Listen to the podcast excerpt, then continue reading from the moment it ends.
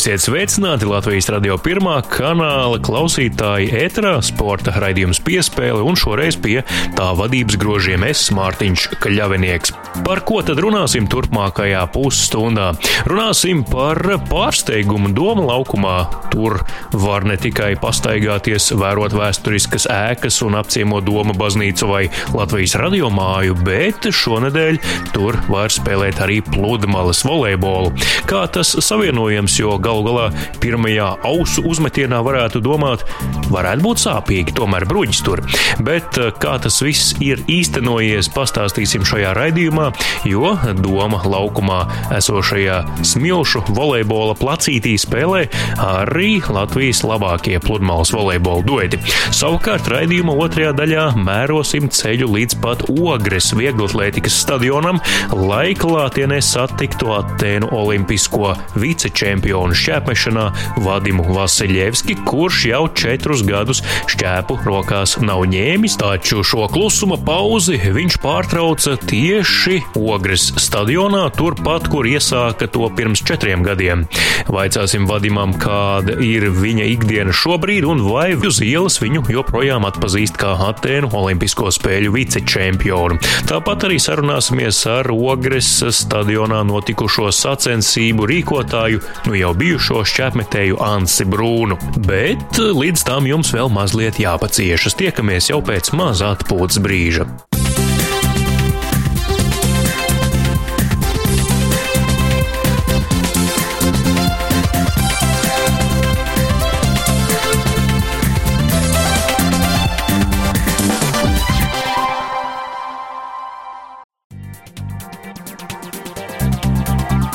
Esam atpakaļ no mazas atpūtas pauzītes. Latvijas radio pirmā kanāla ētrā joprojām sporta raidījums piespēle. Pie mikrofona es Mārtiņš Kļavinieks, un tad nu ķersimies klāt iepriekš pieteiktajiem tematiem. Un numur viens šoreiz pludmales volejbols, un iedomājieties, kur doma laukumā uz bruģa blakus radiomājai.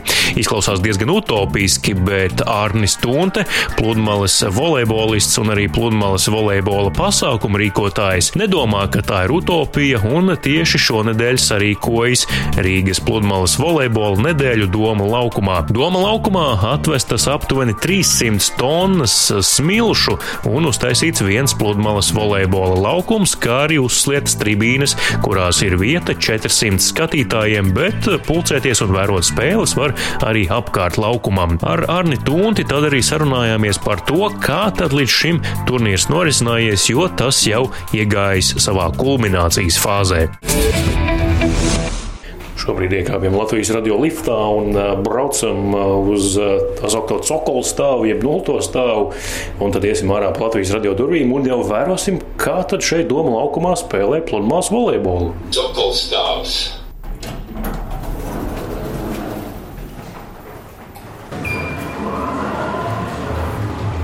Šodien ārā nav tas patīkamākais laiks pludmales volejbolam, bet nu, spēles notiek. Skatītāji pietiekami daudz. Tribīnēs 400 eh, sēdvietas. Tās visas gan nav aizpildītas, bet atbalsts eh, ir pietiekami skaļš.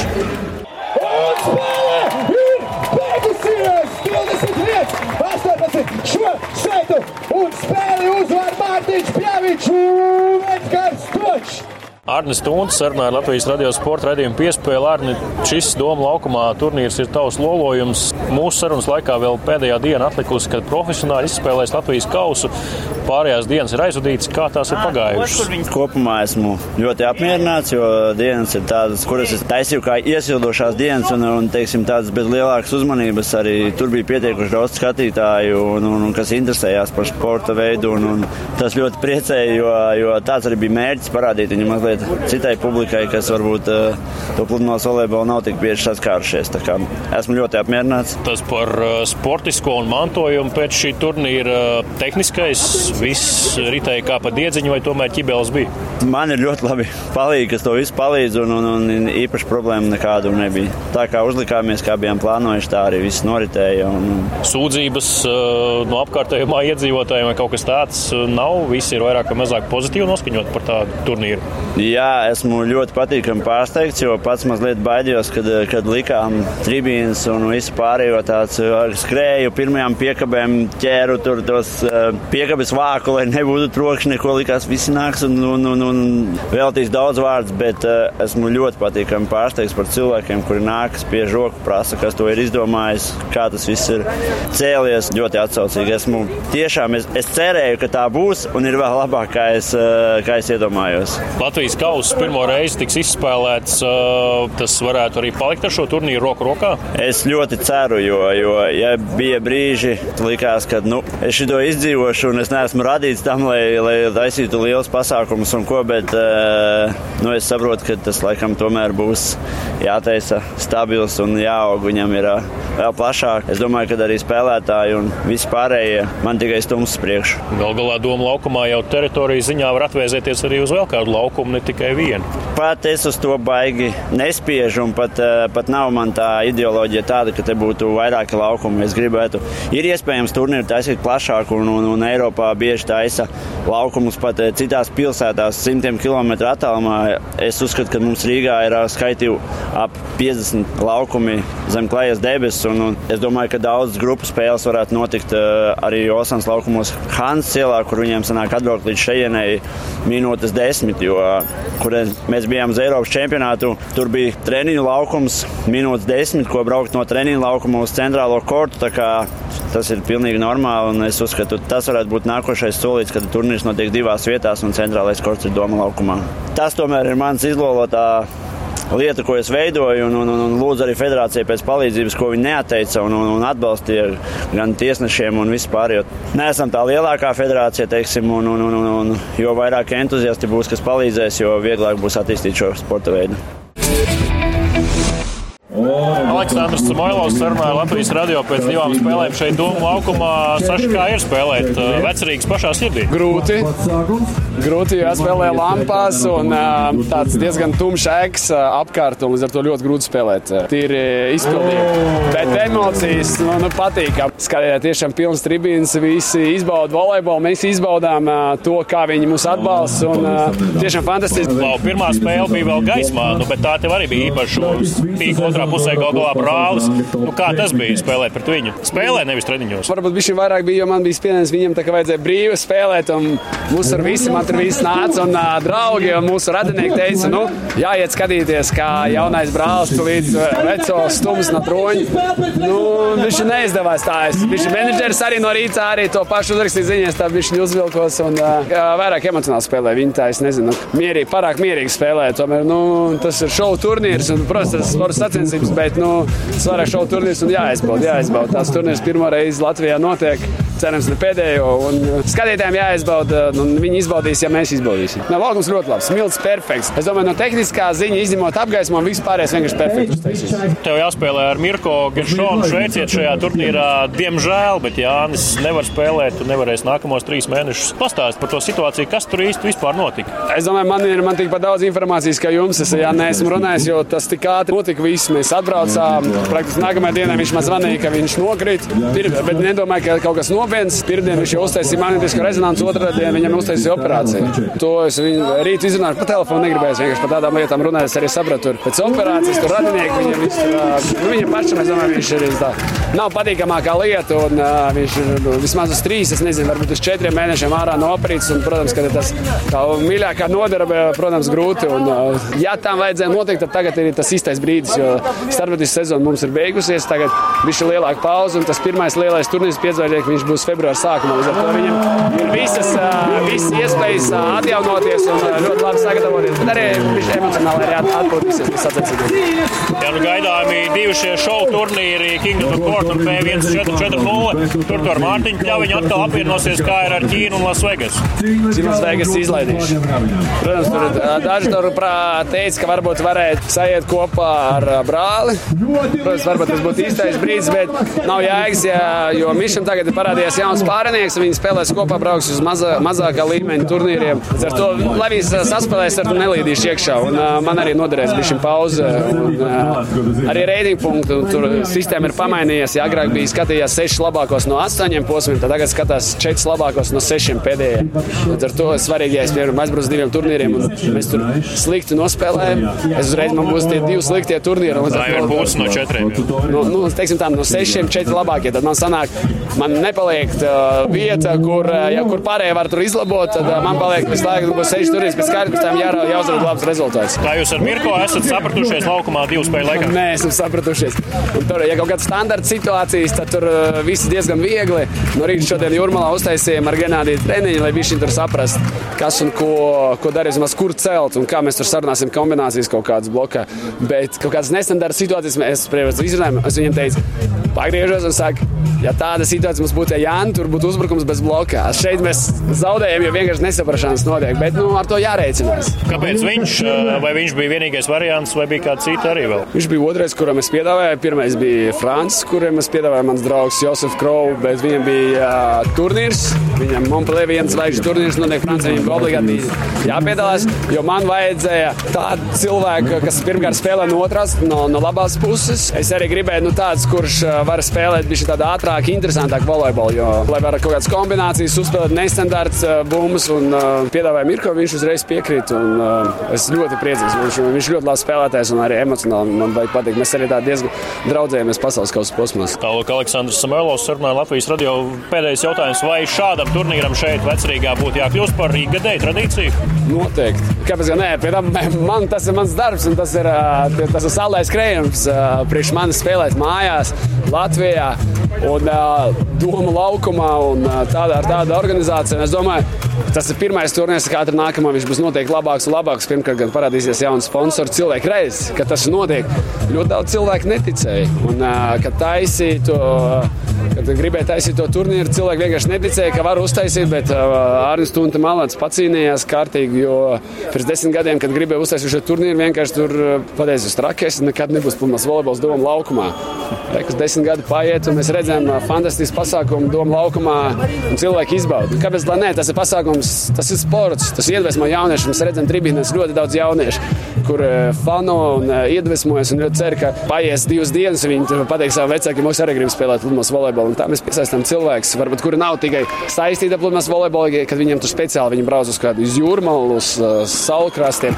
Bet šeit ir tie cilvēki, kur varbūt bērni viņš nekad neredzēja to pludmales volejbolu. Ejot garām, viņš iero, viņš iemīlēs šī sporta veidā, un tā mēs varam dabūt jau, jauniešu mūsu sporta veidā, un tā būs nākotne uh, mūsu sportam. Tu arī ļoti labi pamatoji, man pat nejautājot skeptiķiem, kāpēc vispār jānes pludmales volejbols ārā no pludmales. Tieši tāpēc. Tieši tāpēc, lai cilvēks, kas nezina, kas ir pludmales volejbols, bet kas iet centrā, varbūt uz bāru vai uz klubu, un piekdienas vakarā ierodas šo sporta veidu. Un, Varbūt maina savu dzīvi. Pārstāj iet uz klubiem, bet sāk iet uz pludmali un trenēties. Pareizi ir. Varbūt ne, nevis maina, bet nu, uzlabo bišķiņu un kaut ko pieliek klāt. Atpūsties arī vajag. Īpaši jauniešiem, bet nu, sports padara mūsu dzīvi labāk, mūsu ķermenis veselīgāks un uzlabo dzīves līmeni.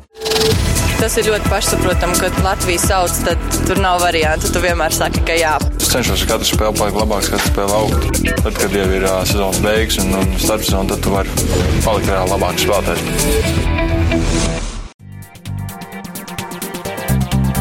Mūžsenā frāze vēsta, ka tikšanās vietu mainīt nedrīkst. Pie šādas te patiesības pieturas arī bijušais šķepmetējs Vadims Vasiljevskis, kurš pagājušajā nedēļā Ogres stadionā atkal ņēma rokās šķēpu un piedalījās Anša Brūna rīkotajās brāļu doniņu sacensībās šķēpa mešanā pāriem. Sacensību formāts pavisam vienkārši. Divi šķēpmetēji apvienojas komandā un katrs uzrāda savu labāko rezultātu, kas tad arī veido veido sacensību kopējo rezultātu konkrētajai komandai. Vadims Vasiljevskis piedalījās amatieru grupā kopā ar savu bijušo treniņu biedru Arvi Justu un atzina, ka četrus gadus šķēpu rokās nebija ņēmis, turklāt pēdējo reizi to darīja pirms četriem gadiem šajā pašā Ogres stadionā. Vadima rezultāts šajās sacensībās pietiekami labs. Pirmajai reizē pēc četru gadu pauzes viņš pārsniedza 64 metru robežu, tomēr amatieru amatieru grupā kopā ar savu partneri Justu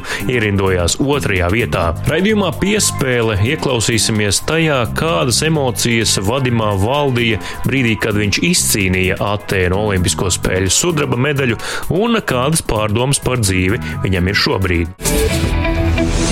Šobrīd, kad Latvijas sportistiem beigušies starti Atvenu Olimpiskajās spēlēs, var sacīt, ka Latvijas karoks ir nests augstu un godam.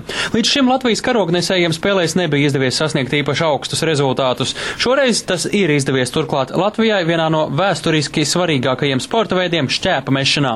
To vakar paveica 22 gadus vecais šķēpa metējs Vadims Vasiljevskis, izcīnot Latvijai ceturto sudraba medaļu. Lūko pēc pēdējā šķēpa metiena žurnālistiem sacīja pats Vadims Vasiljevskis. Viņa prieks bija skaļš un patiess. Nav man vārdu, nu ko, nu otrā vieta, nu, nu izdarīju visu, ko varēju, nu cīnījos. Nu, pirmā olimpiāda, kā es tur pasaules veids, Makārovs, Železnis, un, nu tās tagad, nu piedodiet, negribēju, nu atvainot, nu, viņš pātri viss sanāca, nu neko uz nākošu atbrauksim pēc medaļas. Neteiksim pēc kādas, bet cīnīsimies, mēģināsim. Ir eh, diezgan lietaina nedēļas izskaņa, un eh, šobrīd esmu automašīnā eh, gatavs sēsties pie stūres un tuliņ pat arī mērot ceļu uz Ogres stadionu, jo divi ļoti interesanti notikumi tieši šodien notiks Ogres stadionā. Tur būs gan iespēja pēdējo reizi kā profesionālu šķērsmetēju klātienē novērtēt Ansi Brūnu, kurš uh, ir sasniedzis ievērojams rezultātus pieaugušo konkurencē, bet līdz galam laikam tomēr savu potenciālu nav izmantojis. Jautāsim viņam pašam, kā viņš domā, kā ir. Un pēc četru gadu pārtraukuma, ko domājies, ko ne, arī sektorā atgriezīsies Atēnu Olimpisko spēļu vicečempions Vadims Vasiljevskis, kurš četrus gadus jau bija pievērsies ārpus profesionālā sporta dzīvei, pastrādājis gan Lielbritānijā, Igaunijā, gan arī tepat Latvijā darbus, kas nav saistīti ar šķērmešanu vai trenēšanu. Un kā viņiem abiem šobrīd veicās, kādas ir domas, tad jau aiziet auto jau rūts un dodamies uz Ogres stadionu. Četrus gadus atpakaļ tieši pašā sektorā. Nu, ne šitai pusē, bet tajā pusē. Sāpēt jau sāp, ka nekas nav darīts, bet, nu, reāls sāpes jau jutīs rītā kā būs. Šodien kā, nu, vecās traumas, kas ir potīti bija un, un, un, un sāni, kas parasti cērt vaļā un plecs vēl vienīgais šodien bija. Tā jau sajūta jau tāds pašs ir. Nu, es no sporta aizgājis sen jau prom, tad četri gadi atpakaļ. Un tagad vienkārši Šāns uzaicināja man ierasties uz šīm sacensībām, ko viņš aicināja man kā, laikam, kā godavies. Nezinu, viņš man neteica, atbrauc startēt, bet, nu, čāļi bija, kas gribēja uzstartēt, vajadzēja otru cilvēku, viņš atbrauc, nu, prieka pēc. Kā teicu, mēs zem paņirt atbraucām vienkārši un viss. Tāpēc emocijas nekādas. Nu, sacensības paliks sacensības un viss. Mašīnās. Cik uh, varbūt tev pašam ilgi pagāja tas periods, kad, nu, saka, lieliem sportistiem jānogalina sevi profesionāls, uh, pēc tam var sākt dzīvot normālu dzīvi, vai tev bija šāds periods, vai tu jau uzreiz? Es ne, nezinu, par ko tieši runāju. Es gribu redzēt to cilvēku, kurš saka, kas jānogalina sevi kaut kāds profesionāls. Es vienkārši beidzu, nevienam īsti, man nav, nevienam nebija jāpaziņo, ka es beidzu profesionālu karjeru vai vēl kaut kas, tāpēc, ka tas mans darbs bija es to darīju, un es vienkārši nomainīju savu profesiju šodien. Un viss strādā citā jomā, un es prieku pēc, ja es gribu, es uzmetu, ja ne, tad nē, un tā ir jau man darīšana. Ir kaut ko nogalināt sevi vai kā. Nu, tas, nu, to es neuzskatu, tas ir pavisam savādāk kaut kā. Es nezinu, gribu redzēt to cilvēku, kurš tā ir pateicis. Anglijā bija divus gadus, un tagad divus gadus atpakaļ jāsaka. Sanāk, jā, 15. aizbraucu februārī un 17. februārī atbraucu. Mm. Nu, kā pusotras tagad sanāk, kā, bet nu, es skaitu, kā gads tas bija gads, šis otrais gads iet jau. Nu, tāpēc divi gadi tur, divi gadi tagad es atpakaļ. Nu, tā ir sanāk četri gadi, kas esmu beidzis tieši. Augustā arī bija tas Latvijas čempions, kas četri gadi atpakaļ tieši šodien te notika. Nu, DFDS es strādāju Liepājā.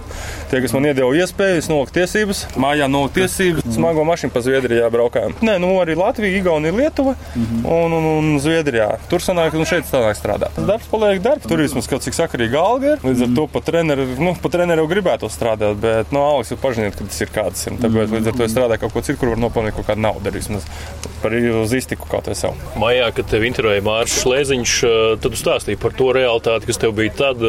Tad tu biji bezdarbnieks, mācījies, kursos gāji. Tad, tad tas ir tagad rezultējies tajā, ko tu strādā šobrīd, vai ne? Nu, jā, jā, tas ir, nu, kā, nu, es strādāju Anglijā, tad man nebija nekāds iespējas tur strādāt, kas nebija. Es atbraucu Latvijā, strādāju Latvijā, izgāju tos, tos kursus, jā, tas ir C kategorija, C kategorija, un līdz ar to es dabūju to darbu. Te, paldies DFDS, ka viņi iedeva iespēju. Vienkārši tāds, ka ir daudz firmas, kas vienkārši noliedz tiesības un tev nedod to iespēju. Tu sēdi vienkārši it kā ir tāds papīrs, ir, bet reāli nekur darbu nedabūni. Tāpēc, nu, liepājas DFDS, nu, liels paldies! Tas pats stāsts ar pieredzi, ka visur vajag pieredzi. Jā, jā nu, protams, tas ir arī treneru darbā. Labi, Latvijā ir iespēja sākt, bet, teiksim, interesē par kaut kādu darbu ārzemēs par treneru, bet arī saka, vajag darba, darba pieredzi kā trenerim, nevis tikai kā sportistam. Nu, arī pārējās visos darbos, kur nē, visur prasa pieredzi, divu gadu pieredzi, divu gadu pieredzi kā minimums tas ir vajadzīgs. Ir.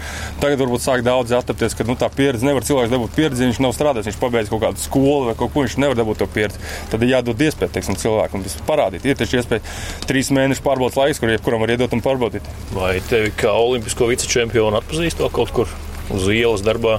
Latvijā tas nekur, nekur neafišēts. Arī tā kā es sportēju, tas uz ielas tā teiksim, nebija. Tas ārzemēs aizbrauc vairāk, un tur tev atpazīst, teiksim, pienākt ar autografu, paprasīt, te. Latvijā tas vienmēr bijis no laika gala. Tā arī tajā pašā pirmā mēnesī, kad atbrauc, visi tikai atskatījās, paskatījās un aizgāja garām. Neviens nepienāca, nepaprasīja autografus īsti, tur neko tādu. Latvijā tas nav pieņemts vienkārši. Tas vairāk ārzemēs bija tāds, ka tur gāja tev klāt, neļauj tur fočējās, ar tevi mēģināja kaut kāds autografus, fočēties ar tevi grūti. Latvijā tas nav tas pieņemts cilvēkiem tā. Tā noskatās, jā, tur savā starpā, ja tur kaut kādā pazīstas savā starpā, oh, redzēt, tur pagāja garām, redz, ka tas, tas, tas tur. Nu, tā arī aizgāja garām. No kā ir ar to attēlu medaļu, bija tas stāsts par pārdošanu, kā tur tas viss beigās beidzās? Beidzās tā, kā medaļa joprojām pie maniem neviens pircējs reāls nebija. mm. Katrs vērtē, kā grib. Tā bija man to, ko es noteicu tajā brīdī, kas man teiksim, likās, ka man viņa ir vajadzīga uz to doto brīdi, un tāpēc arī bija tāda. Tas, ka nu, katrs jau novērtē, kā viņu grib. Teiksim, es viņu novērtēju tā. Viņai vispār īstenībā nekādas vērtības nav. Principā tas ir tā romantiskā medaļa. Nu, man ir nu, nevis naudas, bet savādāk ziņā ir tā vērtība. Kad es viņu, cik gadus esmu ieguldījis to darbu, visu, to, ko esmu gājis cauri tam visam, lai viņu sasniegtu, to, nu, to naudā nevar pateikt. Turpat arī tie, ko es tā summa, bet tā arī būtu krietni pamazs. Tur vajadzētu entos ciprus savādāk tāds. Tas tā, uz to brīdi vienkārši tā, tā, tā summa bija viss. Bet, nu, šobrīd viņi ir pie manis vēl joprojām. Nav vajadzības vairs tirgot. Es no visas tic ārā un dzīvoju normālu dzīvi. Jā, man ir klauna, nu, neviens joprojām nav metis tālāk par 90 metriem ar jaunās konstrukcijas šķēpu. Kādēļ tu domāji, ka nav jā. Kādēļ tā? Kādēļ tā? Es jau to varu pateikt, ka es esmu pateicis 20 gadus, neviens nemetīs. Nezinu, nav, nav pagaidām. Nav, nav, es nezinu, nav, nav. Viens ir viss, protams, viss attiec uz finansēm, viss raud par finansēm. Jā, tas, tas ir viens no pamatiem. Pēc tam ir treneris un pēc tam ir paši cilvēki gribas spēks jau kaut kāds. Un es redzu, ka pagaidām, nu, nav īsti, kas varētu jums uzmanīt. Varbūt jaunie talanti, tad daži šī raudzes, jā, varbūt tās ir viņiem ies uz augšu un būs treneri. Viss, viss, viss saliksies kopā, tā varētu būt. Bet, nu, kā es teicu, 20 gadus neviens nemet. Nu, jau 11 ir pagājuši.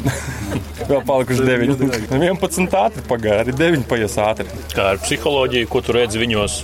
Pie no, es pirmo vairāk. reizi redzēju. Es pirmo reizi neko nevaru pateikt, neko vairāk par to. Es par to treneriem iet, prasiet viņiem, tur, treneriem kaut kādiem, kas redz no malas, viņas vairāk biežāk, kas viņas pirmos reizes pirms tā dzīvē redzēju tos jaunos. Kas šitie mači jau nav nekādi lielie mači. Tie bija Jānis Sarikos pirmo reizi viņas principā. Un te, tāds kā izklaide vairāk vai mazāk. Mm. Es domāju, ja tur kāds normatīvs kaut kādu uz, uz, uzmest arī, nu, es nezinu, vai viņi skaitītu arī. Vai tie ir kā oficiāli mači kaut kādiem rezultātiem, teiksim maratonā, kad tu skrieni distances laikā, ja kāds tev uzmundrina un nosauc tavu vārdu, tu to dzirdi. Pirmā uzvara bija tad, kad es biju pionieru nometnē, tas bija 66. gadā, es vinēju bumbiņu mešanu.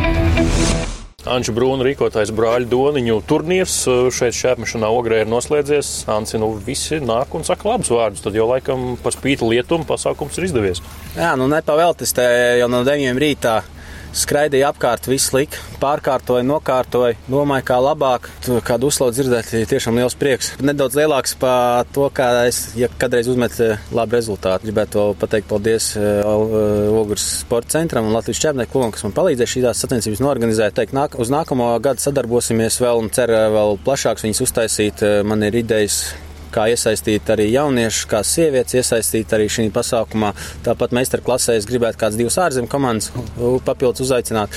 Nu, es domāju, ka arī jau amatieri vairāk pieteiksies. Tā, godīgi sakot, tautas klasa man ļoti, ļoti pārsteidz, jo viss četras stundu garumā tur stāvēja rindā, met šķēpu. Es vēl nav skatījies protokolus, bet man šķiet, ka tautas klasē bija 50 komanda, kas tur met. No kurienes ideja šādam pasākumam? Ideja man radās pagājušajā gadā jau, jo es trenējos pie Udoniņa. Viņam brālis Jānis Doniņš, Eiropas vicečempions savā laikā. Augsts līmenis čempionāts bija, tāpat mans treneris Uldzonis bija augsts līmenis čempionāts. Un, un, ja skaita uh, viņa personīgo rekordu kopā, tad sanāk 174 metri gandrīz vai. Tā es izdomāju, ka, ka pa godu abiem brāļiem vajadzētu uz, uzrīkot komandas sacensības.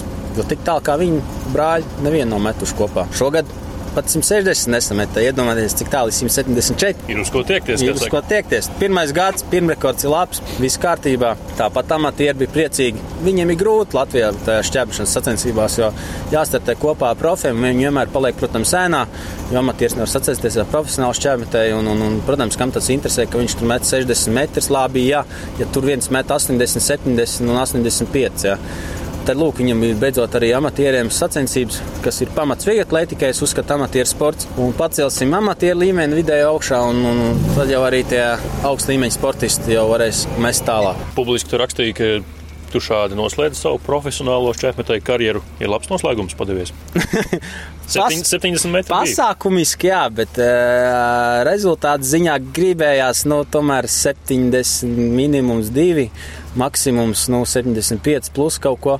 Bet nu, grūti, jo domas šaudās no 9 rītā skraidu. Nu, es jūtos pietiekami labi. 70 metri, no nu, ok. Nu, Stabils šīs sezonas rezultāts, diemžēl, dēļ visām likstām. Jā, beidz profesionālo karjeru, jo meklēju tagad darbu. Vajag pelnīt beidzot iztiku, gribu arī sev attīstīt karjeru citā jomā sākt. Tad jau redzēs, cik lielā mērā varēšu savienot ar savām sportiskajām aktivitātēm. Protams, ka vēl metīšu kādās sacensībās, bet to redzēs, cik daudz būs laiks trenēties. Kādi ir plāni? Tieši tajā profesionālajā ziņā, kurā virzienā skatīties, kur doties, runāja ar vadību. Nu, viņš arī pastāstīja savu rūkto pieredzi, nu, ka uzreiz tā uzreiz atrast kaut ko nav nemaz tik viegli. Protams, ka nav viegli, jo arī es jau neesmu izņēmums. Visu mūžu es nodarbojos ar šķērmešanu, tur epizodiski apsargs strādājis cietumā un policijā. Un tagad, principā, no nulles jāsāk. Nu, es gribētu tajā strādāt tajā jomā, kur es arī gūsi pieredzi kaut kādu un, augstāku izglītību. Tas ir uh, sporta organizatoriskais darbs, organizēšana, treneru darbs man interesē. Būs sākumā grūti, jā, nu, visur jau prasto pieredzi. Un vienīgais plus, tā teikt, man ir, man nav nekāda kredīta saistību, kas man tagad noslogot un, un, un, un spiest būt braukt uz ārzemēm, strādāt, vai man nav arī pašlaik ģimenes, kas arī prasa noteikti finansiāli, nu, lielākas finanses. Jā, nu, tās ir tās lietas, kas man vēl nav. un cerams, ka kredīta arī nekad nebūs. Tā kā es varu atļauties, varbūt strādāt sākumā pa mazāku algu, un tad jau veidot karjeru tā pakāpeniski. Nu, Man nav, man nav tādas bezizējas situācijas, tā kā daudziem cilvēkiem Latvijā. Kāpēc tiek likts punkts šķērmešanai? Tāpēc, ka tās traumas pēdējā laikā. Kopš februāra mēneša man nav vairāk patstāvīgi ienākumu. Visu sezonu izvilku uz saviem iekrājumiem. Sezona beidzās, vasara beidzās jāsāk jauna lietas darīt, jaunas idejas ir galvā un meklēt darbs, darbu. Nu, vajag vienkārši eh, elementārs ienākums, regulārs, lai samaksātu rēķins, dzīvot un, un, un skatīties, kā tālāk. Ja būtu kāds atbalstītājs, tad tu turpinātu? Jā, es gribētu, tad es varētu arī, tad es varētu to darīt bet es noteikti paralēli trenētu vēl, kā treneris strādāt. Jo viens pats es vairāk, jebkurā gadījumā negribu trenēties. Jā, līdz Tokijas Olimpijādē es vēl būtu gatavs startēt, trenēties ar pilnu atdevu, veltīt visu savu laiku treniņiem. Treniņu nometnē paralēli trenēt kādu. Tagad arī pašam ir doma sadarboties ar jauniem talantīgiem šķērmetējiem. Pagaidām uh, ar bērniem sporta skolā es nevēlos strādāt. Tas tāpat būs hobija darbs. Kā jau teicu, viss būs pakārtots tam, kāds man būs pamatdarbs sekosim līdzi, kā, kā mm. veiksies šajā jomā. Vēl jautājums par kopējo Latvijas šķērpmešanas šī brīža situāciju. Kā tu redzi, kas notiek šobrīd Latvijas šķērpašanā? Nu, kā ir Rolands Strunke, Gatis Čakšs, Patriks Gailums, bet nu, tie rezultāti vismaz galvenajās sezonas sacensībās nu, nav tie, ko vēlētos ne viņi, ne līdzjutēji. Jā, Latvijas šķērpašana turās tīri uz entuziastiem. Un tas ir pateicoties tam, ka mums ir tradīcijas ļoti spēcīgas Latvijas ķēmešanā. Tāpēc arī mums tādi šķēmetēji joprojām ir kā Strabinders Čakš, kas spēj mest Eiropas un arī pasaules līmenī. Protams, visi zina, ka Vadims ir medis 93 reizes un, un mums ir liels medaļas. Bet šobrīd man tā šķiet, ka notiek tāda paudžu maiņa. Nāk iekšā jaunāki treneri, kā piemēram Rājus Maķevits, Artūrs Prižavoits, talantīgi treneri. Grūti iet ar to atbalstu sportam. Ļoti grūti, ja nav Olimpiskā vienības atbalsts, kur tikai labākie. Nu, tur arī ir tas, eh, nu, ko, ko tam vieglatlētam darīt pēc vidusskolas. Ja viņš ir labs, viņš var braukt uz ASV studēt, viņam ir eh, jāstrādā un jātrenējās. Vai, nu, ja viņš tiek uz komercmačiņiem maziem, pabraukāt tur 100, 200, 300 eiro par sacensībām papelnīt tad ir grūti sagatavoties tiem galvenajiem sezonas mačiem, jo nevar veltīt visu to laiku un enerģiju, lai nostartētu vienās labās sacensībās. Jo jāsadala tās uh, sezona tā, lai visu laiku būtu kaut kādā līmenī, varētu kaut ko nopelnīt. Vēl jau arī sāpīgais jautājums par uh, infrastruktūru. Nav jau īsti kur trenēties augstā līmenī. Ne tikai trenēties augstā līmenī. Vienkārši elementāri trenēties. Pieņemsim, Rīgā nav kur, bet nu, cerams, ka gadu gaitā Rīgā uzcels tā manēža. Es domāju, tas būs ļoti liels spēriens uz priekšu visai vietlaikai un šķērmešanai kopumā. Tad arī jaunie gribēs trenēties, jaunie treneri gribēs nākt iekšā sportā. Tāpat ogrē drīz būs jauna manēža Valmierā. Es domāju, tagad ir tāds, tāds klusuma brīdis, tāds pirms labiem labiem rezultātiem. Un, un, un es domāju, ka pēc sešiem, desmit gadiem Latvijas viegla atlētika pacelsies atkal jaunos augstumos. Šobrīd ir tāds, tāds, tāds izturības laiks, pienācis pārdomu laiks visiem. Vienkārši jāiztur un jāatbalsta. Tad novēlam izturēt. Mēs centīsimies atbalstīt arī mediju, un tad jau skatīsimies, Jā. kā būs. Un gaidām nākamās brāļu doniņu sacensības gal galā. Pavisam noteikti būs nākamgad. Tāpat Ogres pilsētas svētku laikā. Nākamais, nākamais gads interesants, ka pasaules čempionāts notiek augustā. Līdz ar to šīs sacensības arī būs daudz aktuālākas. Gaidu ogrinieks, gaidu visus pārējos Latvijas iedzīvotājus, šķērpmešanas eh, eh, līdzjutējs. Tiekamies nākamgad!